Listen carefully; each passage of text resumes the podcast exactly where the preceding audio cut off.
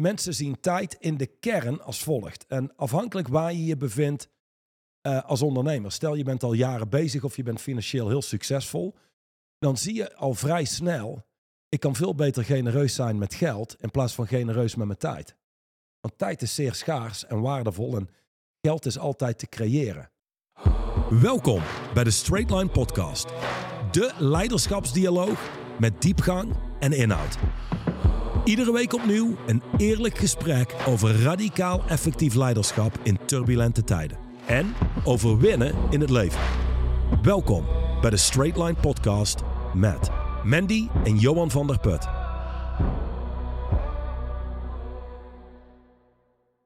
Hoofdstuk 17, Straight Line Leadership. De distinctie zou moeten versus moeten staat centraal. Meneer Van der Put. Ik denk dat we eerst moeten gaan onderzoeken, is er nog een andere groep die hier buiten valt? En dat is de groep die een hekel heeft aan moeten. Dus de doelgroep die eh, zal zeggen, ja nee, ik doe in mijn leven niks wat ik moet doen. Ik doe alleen maar wat ik wil doen. Dus eigenlijk zeg jij, we hebben zoiets als moeten. Dan heb je ja, de valkuil van zou moeten, maar je hebt ook nog niets moeten. Ja, een soort avers tegen iedere vorm van verantwoordelijkheid. Hmm. Dat is eigenlijk waar, waar het op neerkomt. Eigenlijk wel, hè? Nou heb ik laatst een beeldschone vrouw horen spreken over een stroming binnen opvoeding. Mhm. Daar kun jij meer over vertellen, want jij was degene die het vertelde. Ah, die daarover sprak. Nou ja, eh, onlangs is tot mij gekomen dat er überhaupt verschillende stromen zijn in opvoeding. Dat vond ik, vond ik al interessant. Hè? We zijn als, eh, als mensheid zo theoretisch geworden dat je niet gewoon je kinderen opvoedt, maar er zijn allerlei stromingen en allerlei manieren waarop je je kind kunt opvoeden. En ja, je moet daar wel een keuze in maken natuurlijk. Hè? Je moet vooral niet doen wat je zelf denkt dat goed is. Ehm, in deze specifieke stroming zijn er twee woorden die niet gebruikt mogen worden in je opvoeding. En die twee woorden zijn, ben je er klaar voor? Moeten, dat mag niet. Dat mag gewoon niet gebruikt worden. En het woord nee mag niet gebruikt worden op het moment dat je je kind opvoedt. Ik heb geen idee wie die ouders zijn. Ik heb oprecht geen idee hoe je dat voor elkaar krijgt. En ik heb ook geen idee wat voor resultaat je krijgt als je kinderen nooit mag zeggen dat ze iets moeten doen en als ze nooit nee mogen horen. Maar ja, dat kan in deze woke world. Zulke stromingen zijn gewoon mogelijk. ik was er net over na aan het denken toen je er zo zei dat ik denk, goh, dit worden in de meeste gevallen, er zullen uitzonderingen op zijn, verschrikkelijke kinderen. Daarnaast, als je mij als kind had, ehm, met mijn, ik, ik ben typisch iemand die benaderde school als ik zou naar school moeten gaan. Vervolgens ga je wel, maar met een hele hoop tegenzin. Als ik ouders had gehad die geen nee zouden mogen zeggen of moeten, had ik in ieder geval een, ehm, een hele hoop dingen niet gedaan die ik nu wel gedaan had, die prima hebben uitgepakt. Ja, dan hadden we niet hier in de studio gezeten vandaag. Hadden we ook geen fantastische podcast gehad. Of zoiets als Straight Line Leadership. Ja, De eerste zin in het, hoofdstuk, hè, hoofdstuk 17, is... Mensen doen bijna nooit wat ze zouden moeten doen. Ze doen echter altijd wat ze moeten doen. Dus dat is de eerste introductie in deze distinctie. Want laten we dat hele niet moeten. Ja, die stroming heb je ook. Maar goed, ik verwacht niet dat iemand van die mensen luistert naar deze podcast. Ehm, dus nu kijken we naar, hey, de meeste mensen die zijn bezig met het feit dat er van alles is wat ze zouden moeten doen. Maar over het algemeen, die dingen die ze zouden moeten doen, doen ze niet. Eh, versus de dingen die ze moeten doen, die doen ze gewoon. ja. Je moet gewoon überhaupt eens kijken hoe verschijnt zou moeten. Dat zit vaak gekoppeld aan alles waar je een weerstand tegen hebt of een hekel aan hebt. Ah, Zoiets, ja. Oh, ik, ik zou het vuilnis nog buiten moeten zetten. Ik zou moeten gaan sporten. Ja, Ik zou gezond moeten eten. Of ik zou niet moeten. Hè? Dat is de andere variant erop. Oh, Ja. Ik zou dit niet moeten doen. Dus dat ontneemt heel veel kracht. Een wereld van zou moeten is een wereld waarin je energie verliest en kracht verliest. En als we eerlijk gaan kijken, dan wat mensen sowieso doen, is de dingen die ze moeten doen. Dan heb je nog bepaalde basiszaken. In de kern houdt iedereen van comfort. Dus daar lig je dan op zondagavond op de bank te kijken naar je favoriete serie. Seks is een van die zaken. Ehm, Daar willen mensen best voor in actie komen. Ja. In ieder geval mannen. ja, exact. En ehm, Eten. eten. Ja, dat is wat mensen überhaupt zullen doen. Daarnaast doe je in de kern altijd wat je moet doen.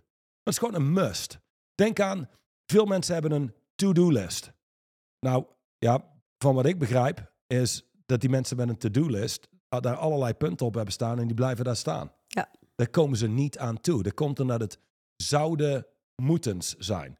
Eh, als je een to-do-list nou gewoon schrapt en je maakt daar een must-do-list van, en niet als truc. Dus Mhm. dit is wat mensen in de westerse maatschappij doen. Wij luisteren altijd naar handige informatie. Want handige informatie kun je gebruiken. Dus in de kern, hoe ons onderwijssysteem werkt, heeft helemaal niks te maken met leren. Hetgene wat mee te maken heeft, is begrijpen. Dus er wordt heel weinig van toegepast. Als je kijkt naar ondernemers en je kijkt naar hoe de wereld daadwerkelijk werkt, dan is het begrijpen van het verschil tussen een must-do-list en een to-do-list duidelijk. Maar als je doet als truc en je gumt to-do uit Ja. en je schrijft daar must-do neer, Maar, maar je behandelt het nog steeds als een to-do-list. dan verandert er niks. Nee. Als je die lijst opnieuw bekijkt en je kijkt überhaupt dus naar al die punten die erop staan, wat ben ik überhaupt bereid om te doen? Wat moet ik echt doen? Schrap de rest, maak must-do-lijsten, daar plaats je de dingen op die je absoluut moet doen, vergeet de rest. Ja, of, de- of delegeer de rest, hè? dat kan ook. Ja, Je kunt het delegeren. Ik, ik denk dat eh, heel veel ondernemers en directeuren op hun to-do-list heel veel zaken hebben staan die ze prima kunnen delegeren. Ja, dan kom je uit op een do-drop-delegate lijst. Ja. Dat het is, hey, ehm, want dit is trouwens wel een, even iets praktisch tussendoor, want ik weet dat mensen daarvan houden. Mhm. Oké, weet je, je kijkt naar je to-do-list en alles wat je te doen hebt. Dan ga je gewoon kijken, oké, wat is het wat ik absoluut zelf moet doen? Precies, laten we van een to-do-list een must-do-list gaan maken. Ja. Hoe doe je dat? Ja, nou, dan kijk je dus, wat zijn de dingen die ik absoluut zelf moet doen? Dan vanuit daar, de dingen die je kunt delegeren. Ehm, ik noem maar iets, stel een simpel voorbeeld, je wil je hele garage opgeruimd hebben. Of ehm, laatst bij ons, er moest in ons digitale systeem van alles georganiseerd worden. Ehm dat kun je heel makkelijk delegeren. Dat is niet iets wat je zelf hoeft te doen. En zoiets als het opruimen van je garage kun je laten doen voor, weet ik veel, 25 euro per uur. Of eh, je buurjongen doet het en die, die helpt je daarmee. Dus ik zou zeggen, en in, in, in business zou je zeggen, hé luister, je gaat je niet bezighouden met 25, 50 of 100 euro per uur taken. Als je als ondernemer duizenden euro's per uur zou genereren, dan stoot je dat af. Mhm. Ehm, veel mensen beseffen dat niet. Ehm, Dus dan kijk je naar je to-do-list. Op die to-do-list staan allemaal zaken die er al ellenlang op staan. En dan is de vraag, do, drop of delegate. Do betekent dit moet ik echt zelf doen. Wat over het algemeen natuurlijk niet heel lang op je to-do-list blijft staan. Want dat zijn de dingen die we oppakken. Ja. Dan heb je drop, is gewoon, hey, heel eerlijk, er staat er al zo lang op. Gewoon schrap het en, en, en let it go. En delegate. Je, er staan punten op die Drop lijst die je prima benoemd. kunt delegeren. Ja, delegeren hadden we benoemd. Ja. Drop. Drop is gewoon simpel. Je kijkt naar al die punten die er al een lange tijd op staan. Is dit iets wat echt moet gebeuren? Of is dit iets wat ik er gewoon beter nu vanaf kan halen? Precies. En pak ik het nog ooit op, dan pak ik het ooit op. En anders dan eh, is het wat het is. Dus da- daarmee brengen mensen een stuk meer structuur aan. Ehm, en het dwingt je om dieper te confronteren. Waar ben ik eigenlijk mee bezig? En een ondernemer zal altijd onderscheid moeten maken tussen high, medium en low priorities. Maar ook kijken naar wat kan ik delegeren. Ik bedoel, als je echte kerntaken uitvoert, kernacties. Dan heb je aan de ene kant vrije tijd over, of een hele hoop vrije tijd over als je zou willen. Maar zaken gaan vooruit. Er wordt echt resultaat geboekt. En dat is, ik zeg het wel eens zo tegen ondernemers waar ik mee werk. Als het ware snij je al het vet van de botten. Alles wat overbodig is, doe je niet meer. Ik bedoel, mensen zien tijd in de kern als volgt. En afhankelijk waar je je bevindt eh, als ondernemer. Stel je bent al jaren bezig of je bent financieel heel succesvol. Dan zie je al vrij snel, ik kan veel beter genereus zijn met geld in plaats van genereus met mijn tijd. Want tijd is zeer schaars en waardevol en geld is altijd te creëren. Maar sommige mensen zullen luisteren en die zullen opmerken, eigenlijk draai ik het om. Ik zie geld als schaars Hm. en ik zie tijd als heel uh, uh, ruimschoots aanwezig. Exact, alsof je er eindeloos veel van hebt. Ja, alleen je hebt heel weinig tijd, uh, zou je kunnen zeggen. Als in, je leeft al in schaarste. Je wordt geboren en je sterft. Ik ben geboren in 1980 en ik sterf in uh, 2180. Dus ik heb, ik heb wat tijd, maar er is schaarste. Dus er is een einde. En wat je aan tijd hebt, is wat je noemt je leven. Besteed je aan dingen die er echt toe doen. Alleen mensen met weinig eigenwaarde doen een hele hoop acties voor anderen die niks doen voor jezelf. Of doen, dat zou ook nog prima zijn, uh, als je echt iets vooruit beweegt. Maar die doen een hele hoop voor anderen omdat ze doen wat ze zouden moeten doen volgens anderen. Hmm. Niet volgens zichzelf. Dus- Ja, oké, dat is een andere eh, manier van kijken naar zou moeten.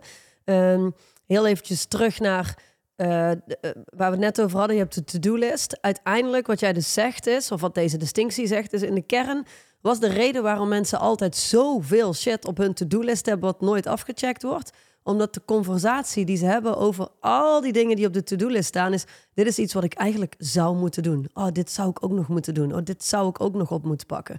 Als je jezelf dat hoort denken, dan kun je vanaf nu al een alarmbelletje af laten gaan. Want dingen die je zou moeten doen, doe je over het algemeen niet. Ja, Ja, ik bedoel, dat is ook. We hebben het voorbeeld al heel vaak gebruikt. Waarom? Omdat het nou eenmaal zo herkenbaar is voor iedereen. Mensen die af willen vallen, die weten dat ze gezond zouden moeten eten. En die weten dat ze zouden moeten sporten. En mensen die gezonder en fitter door het leven willen, die weten dat ze zouden moeten stoppen met roken. Zoals jij net heel terecht zei, die begrijpen best dat roken niet gezond is en dat het iets is wat je zou moeten stoppen. Maar zolang het een zou moeten is, kun je ervan uitgaan dat het over het algemeen niet gebeurt. Er staat een, eh, een verhaal over een eh, coach die werkt met bedrijven en die werkt met name aan vitaliteit, gezondheid en Ja, productiviteit. dus, eh, coach Terry Gibson uit California, op That's pagina one. 82. En die maakt, die maakt twee distincties. Allereerst begrijpen versus leren. Eén ding, en dit, dit geldt hetzelfde over leiderschap en hetzelfde als mensen die luisteren naar deze podcast. Wij zijn getraind in de maatschappij, in de westerse maatschappij, om te luisteren en dingen te willen begrijpen. Nogmaals, handige informatie. Maar dat is totaal niet waardevol, want het meeste van die informatie verdwijnt als theorie. En theorie en praktijk en iets toepassen, dat zijn twee verschillende werelden. Dus het meeste wat je zult leren over leiderschap is theoretisch leiderschap. Wat je geen goed doet op het speelveld. Op de tribune, waarin je kijkt naar ondernemerschap en waar je kijkt naar leiderschap. ehm, ja, daar spreek je over leiderschap. Ja, dus je bedoelt als je een of andere professor, onderzoeker of wetenschapper bent op de universiteit, die onderzoek doet naar lei- leiderschap, ja, dan ga je op de tribune zitten en dan ga je observeren wat gebeurt er nou eigenlijk. En dan kun je komen met hele mooie theorieën. Ja, Maar die theorieën die gecreëerd zijn op de bank door niet-leiders, zijn niet theorieën die in het werkveld of in het speelveld überhaupt toepasbaar zijn. Ja, en weet je, je hebt ook zoiets als eh, een MBA eh, halen, eh, businessopleidingen. En ik zeg niet dat, dat het slecht is om te doen, helemaal niet. Nee, zeker niet. Je, je leert wat informatie, maar ik ken een hele hoop hulpeloze mensen met een MBA. Precies. Het maakt je geen krachtige leider en ook geen nee. krachtige En, ondernemer. en professoren over bedrijfskunde die geen bedrijf hebben, maar ook niet in staat zouden zijn om als leider een bedrijf aan te sturen. Dus dat wat je theoretisch weet, heeft zelden impact op hoe je bent of leeft als leider. nou, Ervan uitgaande dat we überhaupt spreken over een leider. ja, En precies. niet gewoon een ondernemer. dat wat je theoretisch eh, weet, komt in heel veel gevallen, dat is wat ik jou hoorde zeggen nu, tussen de regels door, komt in heel veel gevallen in het vakje, in het kastje, in het mentale hokje van zou moeten. Want dan heb je al die fantastische theorie, je weet veel meer en dit is eigenlijk hoe je het zou moeten doen. En ondertussen loop je door de wereld en doe je gewoon wat er gedaan moet worden. Hè, zo heb je toch heel veel ondernemers. Ja, ik, ik zou meer uit moeten zoomen in mijn organisatie. Ik zou meer strategisch moeten kijken. Ik zou zelf minder op moeten pakken. Maar uiteindelijk Ja, lopen ik ze zou door. meer moeten delegeren. Ik Ja, zou precies. minder zelf moeten doen. Eh, dat zijn niet de dingen die we aanpakken. Dat is ook niet heel Nee. oprecht. Nee, exact. En, en, eh, want ondertussen lopen ze door hun organisatie en zijn ze nog steeds zelf heel veel dingen op aan het pakken die ze niet. Die, die Hey, ze kun je eigenlijk. ook zo klassificeren. Dus hoe vaak heb je een ondernemer dit horen zeggen? Dan heb ik mijn to-do-lijst. Whatever, maak er een must-do-lijst van. Maar Mhm. let op. Ik kom niet toe aan mijn to-do-lijst door al die dingen die op me afkomen op een Ja. dag. En Maar die dingen verschijnen als moeten. klassificeer je als die moet ik nu Dat is doen. precies wat ik wilde zeggen. Ja, en de lijst is, ja, dat zou je moeten doen. Dus Ja. als je die twee omdraait, en, en dit is denk ik wel een belangrijke distinctie voor een ondernemer. Mensen die winnen als ondernemer, die doen wat ze vooraf gezegd hebben te doen. Dus die hebben een verklaring, dit is wat vandaag gedaan moet worden, en die werken dat af. En ondertussen dealen ze met wat er op hen Ja. afkomt. Ehm, maar mensen die weinig winnen en ondernemen, zijn mensen die uit het oog verliezen wat ze gezegd hadden te doen en heel een focus verleggen naar wat er op hen afkomt. En dan ben je nooit effectief. Dan ben je altijd Nee. brandjes aan het blussen. Absoluut. Absoluut. Dus om die, die distinctie af te maken, hè, dus begrijpen is één ding. Leren is daadwerkelijk iets kunnen toepassen. En leren betekent, ik pas iets toe, ik haal daar informatie uit, data uit, feedback uit. Ik maak correcties en ik word steeds beter. Ja, maar dat, Dat, is, is wat leren inhoudt. Exact. Dat wat jij nu zegt is wel van cruciaal belang. Daarom wil ik het eh, even uitlichten. Leren betekent, er is bepaalde theoretische kennis die je opdoet. En wat jij heel mooi zegt is, die pas je toe. En vanuit daar wordt de kennis van jou en heb je daadwerkelijk iets geleerd. Maar ja, wij komen op school en op school leer je dat leren niks anders is dan de leerkracht vertelt: dit is hoe de wereld werkt. Je krijgt vragen en dit is het juiste antwoord. En, en dat is eigenlijk waar het stopt. Hè? We doen niks met datgene wat we van jongs af aan al aangeleerd krijgen. Ja, ja dus, dus hoe opleidingen nou eenmaal zijn geworden. Ik bedoel, we kunnen dat heel makkelijk fout of slecht maken, maar het is nou eenmaal hoe het is geworden. Het staat heel ver af van de praktijk. En Ja, het heeft weinig te maken met echt leren. Het is niet leren, het is je leert begrijpen. Ja. Je Ja, leert het- informatie opslaan. Precies, je leert informatie opslaan. En wat ik zie, en ook zeker in ons werkveld, want je hebt natuurlijk heel veel coaches, consultants en allerlei mensen die tegenwoordig door de wereld rennen, die zouden in staat zijn om het boek Straight on Leadership te lezen en om zo'n distinctie theoretisch uit hun hoofd te ja, leren, begrijpen dus, om te begrijpen wat er staat in dat hoofdstuk, om dat vervolgens aan ondernemers over te dragen zonder het eerst van zichzelf te maken. En dan maak je dus van iets wat geen theorie is. Want Toch dit een is theorie? ja, exact. Toch een theorie. Maar het is een methodologie, een manier van kijken die je direct kunt implementeren en gebruiken. Maar er zijn twee distinct verschillende werelden. En ik ken weinig mensen die leven in de wereld van, zie het als de praktijk, as lived. Dit is gewoon hoe de wereld werkt. De meesten leven in een theoretische wereld en die blijven dan ook hetzelfde. Dus zou moeten en moeten begrijpen en niet gebruiken is hetzelfde als niet begrijpen. In, in mijn woordenboek. Dat is absoluut helemaal waar. Er is een uitspraak. Ik moet nog wel één ding afmaken als het gaat Oh, om de coach. Want wat doet ja. die gast eh, fantastisch? Terry. Heet die Terry? Ter- coach Terry Gibson. Absoluut. Die maakt vervolgens de distinctie. Dus enerzijds maakt hij iets al gewoon praktisch. Dit is hoe je het toepast. Dit is geen theorie die ik je ga delen. Want dan doet het je gewoon geen goed. Dit is de distinctie. Zou moeten, moeten. Als jij kijkt naar je gezondheid, en dat doet hij dan bij medewerkers. En productiviteit zit vaak gekoppeld aan, of niet productief zijn, aan te veel eten, roken, slechte, slechte leefgewoonten. Gewoon ongezonde mensen zijn over het algemeen minder productief. Ja, ja, exact. Dat is, dat is wat hij stelt, maar hij is ook een gezondheidscoach. Ja, nou, en, en die maakt dus deze distinctie. En die gaat met mensen zitten. En die, en die zegt: Kijk nou eens terug. Hoeveel pogingen om af te vallen heb je al gedaan? Oh, al, al, heel mijn leven. Ik ben al 200 kilo kwijtgeraakt. Al iedere keer dezelfde 10 kilo. Eh, of iemand die rookt. Hoe vaak heb je al willen stoppen? En dan maakt hij de distinctie: zou moeten versus moeten. En dat is zo'n radicaal eh, eh, effectieve distinctie dat hij niet heel veel meer gebruikt dan dat. Maar hier heeft hij zich in gespecialiseerd. Daar begeleidt hij mensen in. En dan werkt het radicaal effectief. Want die mensen shiften van zouden moeten stoppen met roken. Van zouden moeten stoppen met te veel eten naar moeten stoppen.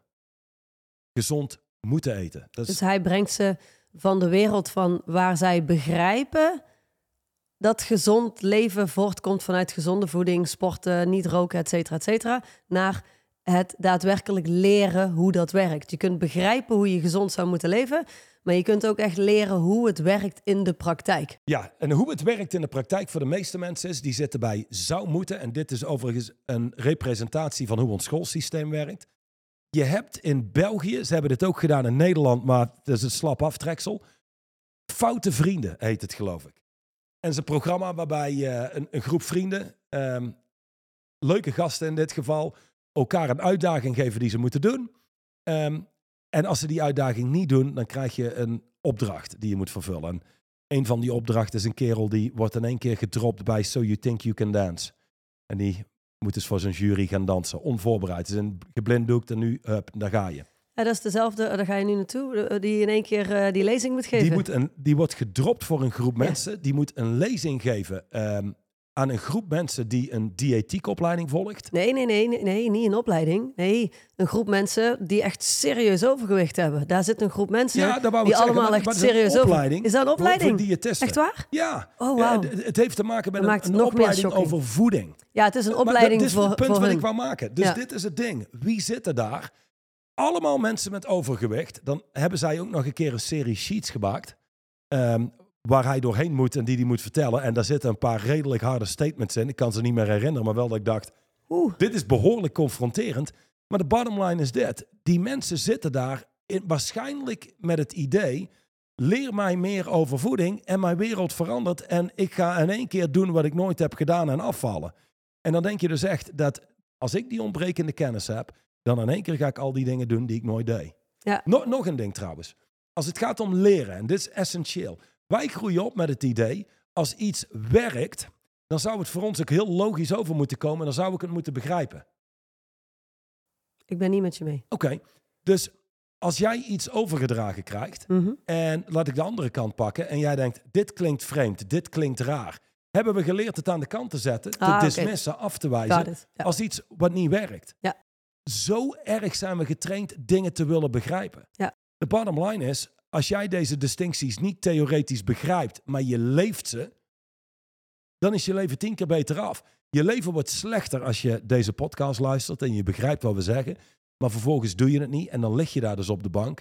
Wetende dat je zou moeten sporten en dat eigenlijk dus niet zou moeten doen, maar moeten ombuigen naar een moeten. Ja, zeg maar, dan lig je op de bank wetende dat je in cirkels aan het draaien bent. Hè, want dat is natuurlijk wat je net zegt. Die mensen die, die zitten dus op een opleiding om meer te leren over voeding. Terwijl, heel eerlijk, iedereen weet wat je minder moet eten en wat je meer moet eten. Iedereen weet wat je zou moeten stoppen en waar je meer van zou moeten doen als je af wil vallen. Dat is niet zo ingewikkeld. Maar Ja. die mensen die gaan dan dus op zoek naar nieuwe theoretische kennis. Ja, en dat brengt ons natuurlijk terug naar het begin van dit boek, waarin uiteengezet wordt hoe je jezelf in cirkelgedrag plaatst. Denkend dat het altijd informatie is waar het aan Ja. ontbreekt. En als Ja. ik die ontbrekende informatie heb, gaat mijn leven werken. De andere optie is dat je niet het idee hebt dat er informatie ontbreekt, maar er is iets mis met je. Met me. Er is iets mis met me. En dat je gaat onderzoeken. Ja, en dat je gaat onderzoeken, wat is er mis met me? Waarom lukt me dit niet? Waarom kan ik dit niet? En dan gaan we terug het verleden in en dan gaan we onderzoeken waarom we geworden zijn wie we geworden zijn. In plaats van gewoon beslissen, vanaf vandaag doe ik de dingen anders en ga ik doen wat ik moet doen. En stop ik met die eindeloze zou moeten gesprekken. Ja, inderdaad. En wat je net zegt, dat is waar veel mensen zitten. Zoeken en vinden. Wa- waar- waar- waarom lukt het niet? En dan gaan ze op zoek naar een antwoord. En we vinden het antwoord en nu is alles anders. En dan heeft het toch niet het effect wat je denkt. En je gaat opnieuw zoeken en opnieuw vinden. En luister, wat als je stopt te zoeken en je start te creëren? En een goed startpunt is, weet je, creëer van de meest belangrijke dingen in je leven een moeten. Start het te doen en zie hoe je leven aanpast. En weet je, ehm, ik had afgelopen maandag een, eh, een gesprek met mogelijk iemand die ons team komt versterken. En die zei, als ik jullie boek lees, Dat was het nieuwe boek hè, wat hij heeft gelezen, toch? Het Inner Stance boek. beide, Oh, beide, oké. beide ehm, waarvan die zei, jullie zijn in staat geweest om hele complexe materie heel simpel te houden. En ik denk dat het probleem wat vele mensen hebben misschien wel is, één, ze kunnen het voor zichzelf niet zo simpel houden. Ze maken het te complex. En twee, doordat het zo simpel is, denkend, het kan niet zo simpel zijn. En dat is waar. Is absoluut waar. Ja, eh, afgelopen week ehm, in een van de online meetings van onze lidmaatschappen heb ik ook tegen mensen gezegd om heel kort in te haken op wat je nu zegt en wat je net hiervoor zei. We zijn allemaal maar op, op zoek, op zoek en aan het wachten op die ene doorbraak. Op dat grote moment, op dat enorme inzicht wat mensen krijgen als ze zoeken naar waarom werkt iets niet bij mij. En op een of andere manier denken we als we dat ene inzicht of die ene doorbraak hebben, dan verandert ons hele leven. Ook tegen hun heb ik gezegd: hey, luister, je kunt online meetings volgen bij ons, live dagen hebben en misschien nooit een ongelooflijk inzicht krijgen en een jaar later toch een getransformeerd mens zijn en je hele leven opnieuw uitgevonden hebben. De andere kant is ook waar. We hebben genoeg mensen in ons leven voorbij zien komen. Die, oh my god, inzicht na inzicht na inzicht. Oh my, die podcast, wow, en die live dag. En oh my god, maar niks in hun leven verandert. En ze zijn nog steeds hetzelfde. Ja, ze zijn alleen maar meer en meer en meer caught up met wat ze zouden moeten doen en wat ze niet zouden moeten doen. Dat is ook belangrijk hè, voor mensen om te beseffen. Hoe, hoe beter je weet wat je zou moeten doen en hoe meer je in zou moeten blijft zitten en niet gewoon in actie komt. Hoe zwakker je wordt. Ja, en hoe groter de zou moeten conversatie wordt. Ja. En het, die verzwakt je en verzwakt je, maakt jou kleiner als mens. ja, en na verloop van tijd denk je echt, hoe kan het zijn? Sommige mensen zijn anders geboren. Die komen wel van de bank en die gaan gewoon sporten. Exact. En dan neemt die afstand zo af, maar het ontneemt steeds meer kracht. De, de, de conversatie dat jij het niet zomaar zou kunnen doen, die wordt ook steeds groter. En de bottom line is, en dit vind ik een fantastische uitspraak, ehm, ongeacht je omstandigheden en welke situatie dan ook, je kunt ten alle tijden de kwaliteit van je leven transformeren. En ik zal een voorbeeld geven. En ook per direct. Gewoon eh, letterlijk per direct. En het verandert niks aan je omstandigheden en niks aan je situatie. Nee. Maar wel aan je hele ervaring. De kracht die je tot je beschikking hebt en waar je staat over drie, zes of twaalf maanden. Ehm, dan was ik aan het nadenken. Ik zat, ik zat vanmorgen in een meeting met, eh, met een groep ondernemers. En er zat iemand in die had een aantal uitdagingen bij een van zijn bedrijven in het buitenland. En die zei: Ja, we kunnen nu op dit moment wel ehm, zorgen dat we de schade beperken, maar echt zorgen dat we winst maken. Weet je, dat is heel lastig. Het zou wellicht iets zijn wat ze moeten doen, maar niet iets wat ze daadwerkelijk kunnen doen. En een van de mensen in dat lidmaatschap is een, eh, is een executive voor een grote organisatie. En die heeft gewerkt met, ik zou zeggen, een, een CEO. eh een van de old great ones. Hm. Gewoon een leider. En het bedrijf werken 70.000 mensen. Bij die CEO, die old great one. Ja, Oké. 70.000 man. Dus je zou zeggen 70.000 mensen. Dat duurt lang om om te draaien. Dit is een soort olietanker, bla bla bla. Als die zat met executives en één afdeling is off track. Die gast doet niet aan wat ze zouden moeten doen. Die leeft in een wereld van moeten. Maar in een extreme, extreem veel ownership als het gaat om deze distinctie. Is gewoon dit, luister. Je hebt 24 uur de tijd als executive om een nieuw plan te schrijven voor jouw afdeling, wat dit allemaal omdraait. 24 uur. Als hij je moet gaan helpen met dat plan, dan ben je überhaupt al de sjaak, want dan weet je, ik ben op mijn weg naar buiten. Die maakt van dingen een moeten. Die maakt van deadlines een moeten. Je hebt 24 uur en dan starten we met onmiddellijk correcties doorvoeren. Eh, en dit is een van die mensen, en je zou kunnen zeggen, die is zeer onredelijk. Wat zoveel betekent in business als, die zet alle redenen en alle excuses opzij. Want hoeveel leiders ken je niet die zouden dit zeggen? Oh, dat is een probleem. Nou, allereerst, daar zouden ze iets aan moeten doen. Dus daar, veel kennis opdoen over de situatie. Wat is er gaande? Dat Eindeloze interviews met alle mensen uit het team. weken, maanden duren. Ja. En dit is iemand 24 uur de tijd. Dus dit is een ding. Een leider wordt betaald voor resultaat. Een leider wordt niet betaald voor zijn pogingen. Een leider wordt niet betaald voor zijn intenties. En een leider wordt ook niet betaald om aardig te zijn. Als leider zul je moeten komen vanuit dit moet gebeuren. Anders sluipt er heel veel redelijkheid in. Heel veel excuses. Dan krijg je nooit iets gedaan. Je krijgt steeds meer zou moetens. En de kracht neemt steeds meer af. Dus als leider is dit een distinctie die je eigen moet maken. En beter nog, a leader is a dealer in empowerment. Je zult dit ook in je mensen moeten krijgen. Want hoe effectiever jouw mensen zijn, hoe effectiever jij bent. En hoe effectiever jij bent, hoe effectiever je mensen worden. Ja, ja dat is zo'n zo coming full circle. Exact, ja. Het een helpt het ander. Ja, want er zijn ook mensen die luisteren naar de- deze podcast om eh, slimme tips en trucs te krijgen om hun team te laten functioneren. Maar in de basis is je team een afspiegeling van wie jij als leider tot nu toe bent geweest. Dus je zal zelf ook een shift door moeten maken. Sterker nog, als jij als leider niet shift, forget it. Ja, Dan gaat er verandert er niks. gebeuren. Nee. Is ook de reden, ehm, als mensen bij ons komen met... Zouden jullie kunnen werken met ons team? No way. Als in, dan zul je een cliënt moeten zijn. Dan zul je daadwerkelijk ass moeten kicken. Gewoon iets doen met alles wat we doornemen. Want anders heeft het geen fundering. De, de leider Nee. is de fundering van de organisatie. Ja, precies. We, we, we kunnen jou wel helpen om te werken met jouw team. Dat zou eh, het enige Dat juiste antwoord u- zijn. Überhaupt, weet je, laten we heel eerlijk zijn. tuurlijk kun je een, een sales trainer vragen, noem maar op. Maar dit zijn fundamentele tools. Wie in hemelsnaam wil dat? Een team die bezet, maar jezelf niet. Sterker nog... Waar Ja, dan nou willen er een hele hoop. ja, maar waar je naar wil kijken is, wat is überhaupt de oorzaak waarom ik mijn team niet meekrijg? Daar zit hem toch in jou, want jij bent degene die het moet doen. Eén ding wat we nog überhaupt moeten bespreken, ik weet niet wat we nog te doen hebben, maar is de quote uit dit hoofdstuk. Want dit is één van mijn favoriete quotes. Oké. Ik, eh, ik wou gaan voor het Just Do It stuk. Zou- ja, kan die ook? Dan werken we toe naar de quote. Ja, precies. Just do it is een fantastisch motto, maar er zijn zo weinig mensen die gewoon doen.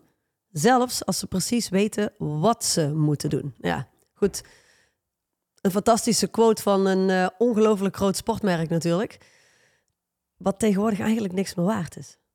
De quote, Ja, of, de- het, of het sportmerk. Misschien wel beide, nee. nee, daar heb ik zo mijn eigen gedachten over. Maar de quote, hoeveel mensen op deze wereld hebben die quote wel niet gebruikt, die nooit gewoon doen? Ja, Ongelooflijk en, en veel. dit is ook zoiets. Het klinkt zo simpel. Maar zo simpel is het in de kern ook. Ja, en, maar niet zo makkelijk. Zo makkelijk En- misschien en- niet, en maar wel zo simpel. Dat is wat mensen verwarren. Mensen verwarren simpel en makkelijk. Het kan niet zo simpel zijn, want dan zou het ook makkelijk zijn. Ehm, Ah, als- maar dat is het. Als, dat is inderdaad. Als me- mensen denken als iets simpel is, dat het ook makkelijk is. Dat het ook makkelijk is om te doen en te volbrengen. Dat zijn twee verschillende werelden. ja, Maar het leven is in de basis heel simpel. En het heel complex maakt, zo- zorgt er alleen maar voor dat je de moeilijke dingen niet hoeft te doen. Juist. En om dan meteen even full circle te komen met die opleiding of opleiding. Ouders die komen vanuit, Geen nou nee en geen moeten. Geen moeten en geen nee. heel eerlijk, is toch van de, van de pot gerukt of niet dan. Maar goed, laten we dit zeggen. De- dit staat verderop in eh Straight Line Leadership, ergens aan het einde. Een quote, ik weet niet welk hoofdstuk. Ik weet trouwens wel eh, welk hoofdstuk, maar de quote gaat als volgt. Hoe harder jij bent voor jezelf, hoe makkelijker het leven wordt. Hoe softer je bent voor jezelf, Hoe harder het leven hoe wordt. harder het leven wordt. Dus echt, ik, ik zou dit benoemen, oh, en dan meen ik oprecht. ehm, dit is gewoon kindermishandeling. Je zet je kinderen op voor een fucking zwaar leven. Weet je, noem eens één werkgever op die jij kent. Nou, nou heb ik ooit trouwens in al mijn lezingen één keer een, een, eh, een, een groep mensen, of een groep mensen, een ondernemer gehad die zei: Wij geven elkaar geen negatieve feedback. Hm. Ik zei: wat, wat bedoel jij met negatieve feedback? Want je hebt gewoon feedback. Nee, nee, we spreken elkaar niet aan op de dingen die we niet goed doen. Ehm, het woord nee mogen ze misschien wel gebruiken. Ik zei, hoe, hoe werkt dat? En het bizarre is, die gasten zitten met alleen maar puinzooi in een bedrijf. Ja. Maar wel daar voor mijn neus lopen verdedigen dat het allemaal heel goed werkt. Bullshit. Dat is echt een, een uiting van deze tijd. En een gebrek aan zelfvertrouwen en ultiem soft zijn voor jezelf. Weet je, slachtoffers willen altijd verantwoordelijkheid ontlopen. En die Ja. zien verantwoordelijkheid als een last. Maar voor de mensen die luisteren, weet één ding.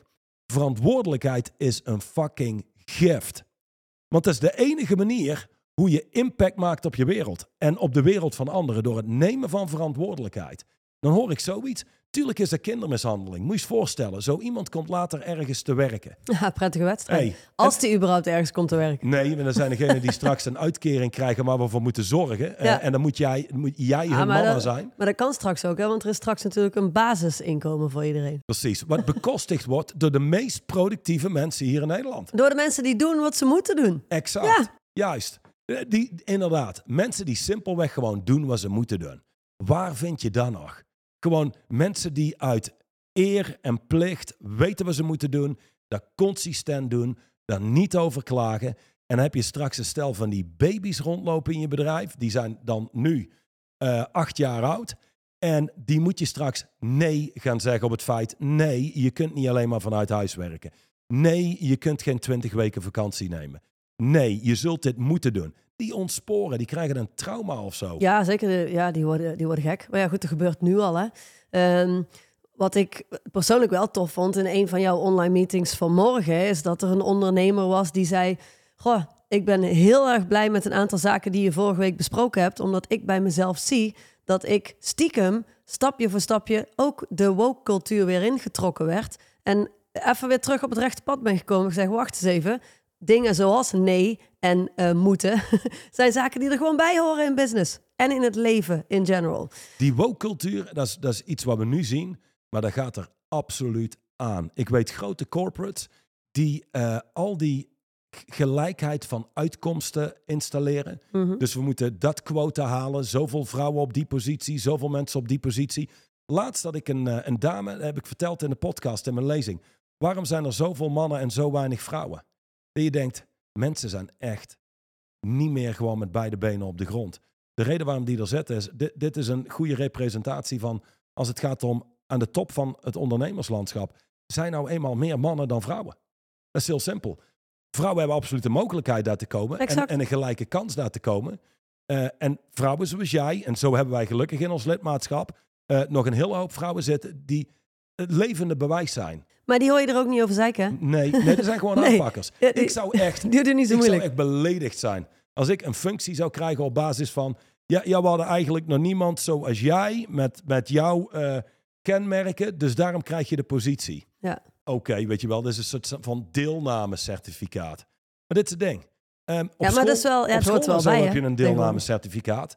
In het leven is deelname stelt geen fuck voor. Dus gewoon, je moet überhaupt deelnemen, want je bent geboren. Als je niet opreist, dan is het, je bestaat gewoon, maar er is niet echt een echte reden van bestaan. Waar leef je eigenlijk voor? Zou dan Ja. de vraag zijn. Ja, dat zie je toch ook bij sport. Bij eh, jongeren en kinderen tegenwoordig. eh, voetbalwedstrijden en dergelijke. Die, eh, daar is geen winnaar meer. Ja, En de bekers zijn allemaal hetzelfde. En eh, je hebt inderdaad eh, een, een prijs omdat je hebt deelgenomen, omdat je hebt meegedaan. als je dat doet Ja, bij dat hele jonge kinderen, shocking. weet je wel, gewoon een soort Ja. van, "Ah, je hebt meegedaan, fine. Fine. Maar als je dat doet bij ouderen, ik zou mijn kind van de sport afhalen. Weet je wel, hoe scheef word je opgevoed? Namelijk, als, als iemand werkt bij jouw organisatie, voor degene die luistert, krijg je er ook gewoon betaald om aanwezig te zijn, om deel te nemen. Deelnemen is belangrijker dan winnen. Dit is de echte wereld. D- dit is gewoon life as lived. Hier krijg je betaald voor prestaties, niet voor je deelname. Dat is de bottom line. Nou, het is misschien ehm, een mooie link naar. Ik zal afsluiten met je quote. Goed, Mhm. dus die komt dadelijk. Op pagina 82, de tweede alinea, ik lees daar een stuk van voor. Ehm, ik vind die, die, die sluit gewoon heel mooi aan op waar we het nu over hebben. Het uitstellen en ontlopen van je basisverantwoordelijkheden is een verkapte manier om van iedereen in je leven je mama te maken. Hop, terug in de wieg. Er moet voor me gezorgd worden. Ik heb recht op een gelukkig leven, ook als ik niet bereid ben ervoor te werken. Dat zie je tegenwoordig best veel. Je weigert te kiezen voor groei en je stopt je eigen ontwikkeling. Je wordt pas een krachtige volwassene als je beseft dat je mama niet meer nodig hebt. En dat niemand anders dan jij verantwoordelijk is voor jouw leven. Ik denk dat we dit stuk moeten knippen en moeten verspreiden over internet en moeten targeten op iedereen die, ah, laat ik geen leeftijd zeggen, die een stuk jonger is dan wij in ieder geval. Wil je er iets aan toevoegen? Want veel mensen maken inderdaad van hun omgeving hun mama. En een entitlement mentality. Ik heb recht op. Ook dat basissalaris hè, is iets wat steeds meer terugkomt. Hey, wie weet, over een honderd jaar zou het mogelijk zijn, omdat eh, bijna alle banen gedaan worden door robots en weet ik veel wat. Ehm, vandaag de dag is het, luister, je zult gewoon moeten werken. We gaan het niet redden en er zijn ook onderzoeken naar geweest. Ik, hoeveel, hoeveel werkt de gemiddelde Nederlander? Vier dagen per week of zo, of drieënhalf? Je zult vijf dagen per week moeten werken om überhaupt alle financiële puinzooi waar we met Nederland in zetten, überhaupt om te draaien. De maatschappij draait op productieve mensen. En je hebt steeds minder productieve mensen. En steeds meer mensen die hun passie en zo willen leven. Wa- Wat ik waarschijnlijk toen ik een jaar of 18 of 19 was, ook nog dacht. Weet je wel, denk aan termen als, "Ja, je moet gewoon doen wat je leuk vindt. Ja, dat, fine, weet je wel. En, en dit is schitterend. Want ik moet heel eerlijk zeggen, voor ondernemers vandaag de dag, als je nu niet kunt winnen, dan ga je nooit kunnen winnen. Want al die ondernemers van vandaag de dag, die komen vanuit, ja, je moet doen wat je leuk vindt. En dat, die zijn zo makkelijk te verslaan. Ja, die hebben in ieder geval ook veel moeite met moeilijke gesprekken. Ja, maar jij en Christophe gaan binnenkort een podcast doen. Ja. Christophe, die gewoon, he will murder you. Gewoon, die legt je om. Want Christophe, nee, niet jou, want Oh. jij bent ook iemand die doet wat hij moet doen. Dank je. Maar als je iemand bent die komt vanuit, ja, je moet wel doen wat je leuk vindt. Christophe maakt het geen bal uit wat hij moet doen, die doet het. Zolang het binnen de wettelijke grenzen is en het heeft de impact die hij voor ogen heeft, een impact op, in dit geval, de doelgroep waar wij mee werken, die doet het gewoon. Wel of niet leuk, we doen het. hey, wat dacht je van eh, gewoon dat wat je moet doen leuk maken? En eh, wat dacht je van, eh, in plaats van je passie volgen, let's bring passion to the table. Gewoon whatever je doet. Ja, Ben gewoon passionate. Dat kan ook, hè? It's an inner stance. It's a way of being. Oké. ehm, we gaan deze podcast langzaam tot een einde brengen. En dat dat is onze betekent... podcast. We kunnen het zo lang doen als we zelf willen. Dat is waar, maar ik toevallig vandaag niet. Ah, dus eh, wij gaan vooruit, door. vooruit. Eh, ik moet iets anders gaan doen. Dus de quote waar jij net eh, specifiek naar vroeg. Hier komt hij. Hij is van James R. Baker. Failure to commit is the high cost of low living. Ja, geen commitments maken, falen om te committeren, is de hoge prijs die je betaalt voor low living, laag leven. Luister, de hele wereld is gebouwd op commitment. Letterlijk. Op moeten. Ja, op moeten. Dit moet daar af. Luister, kijk naar een hele hoop grote leiders. Laten we Steve Jobs pakken. Laten we Elon Musk pakken. Maar Nelson Mandela, whatever. Er zijn gasten die maken van dingen een absoluut moeten. Of het nou is apartheid afschaffen. Of het is die raket moet naar de maan. Oh, en ook nog terugkomen en landen. Ehm, Handig. die maken daarvan een moeten. Die, dat zijn deadlines. Dat is weinig tolerantie voor bullshit. Veel commitments, grote commitments. Ehm, daar heb je meer mensen voor nodig. En in de kern zeg ik wel eens, een leider wordt betaald om anders te zijn. En leiders zijn mensen die bereid zijn te committeren. Die bereid zijn hun leven ergens voor te geven. Dat niet doen, man, weet je, daar betaal je de prijs voor. Dat komt echt met consequenties. En dat is een hoge prijs die je betaalt. En weet je wanneer je hem betaalt? Gedurende je bestaan, maar de afrekening komt op je sterfbed. Want dan word je geconfronteerd met het volgende. Denk aan hel. Ze zeggen wel eens dat hel is de dag, je laatste dag op aarde, waarop je jezelf tegenkomt, wie je had kunnen zijn. Dan word je geconfronteerd met wie je bent geworden. En ik denk in veel gevallen is dat een zo'n groot gat dat mensen op hun sterfbed liggen. En zoals Duchamp zou zeggen, most people die spitting blood. Of zoals Wayne Dyer het zou zeggen, don't die with the music still in you. De mijne heeft iets meer tanden, die van jou is iets softer. Maar het komt, eh, het komt op hetzelfde neer. ja, ehm, veel mensen hebben uitspraken als het gaat om, om je, eh, de deathbed exercise. Hoe heet, je, hoe heet dat ook weer? Van die lijsten ehm, die je wel afgecheckt wil hebben in je leven. bucketlist? Ja, een bucketlist inderdaad. Een bucketlist inderdaad. Ik weet niet eens hoe het heet. Omdat mensen allemaal bezig zijn met wat wil ik gedaan hebben, wat wil ik ervaren hebben, wat wil ik gehad hebben in mijn leven. Ehm, terwijl op het moment dat je op je sterfbed ligt, is de grote vraag misschien wel, wie had ik willen zijn? En al die andere zaken zijn daar gewoon een simpel gevolg van. Volgende week, hoofdstuk 18. Goh, eh, ik ga daar geen commitment op maken. Ehm, ik weet dat het iets is wat we zouden moeten doen. Wat we dus zouden moeten doen. En als het uitkomt, dan zijn we er weer. ik ga mijn best doen. Dankjewel.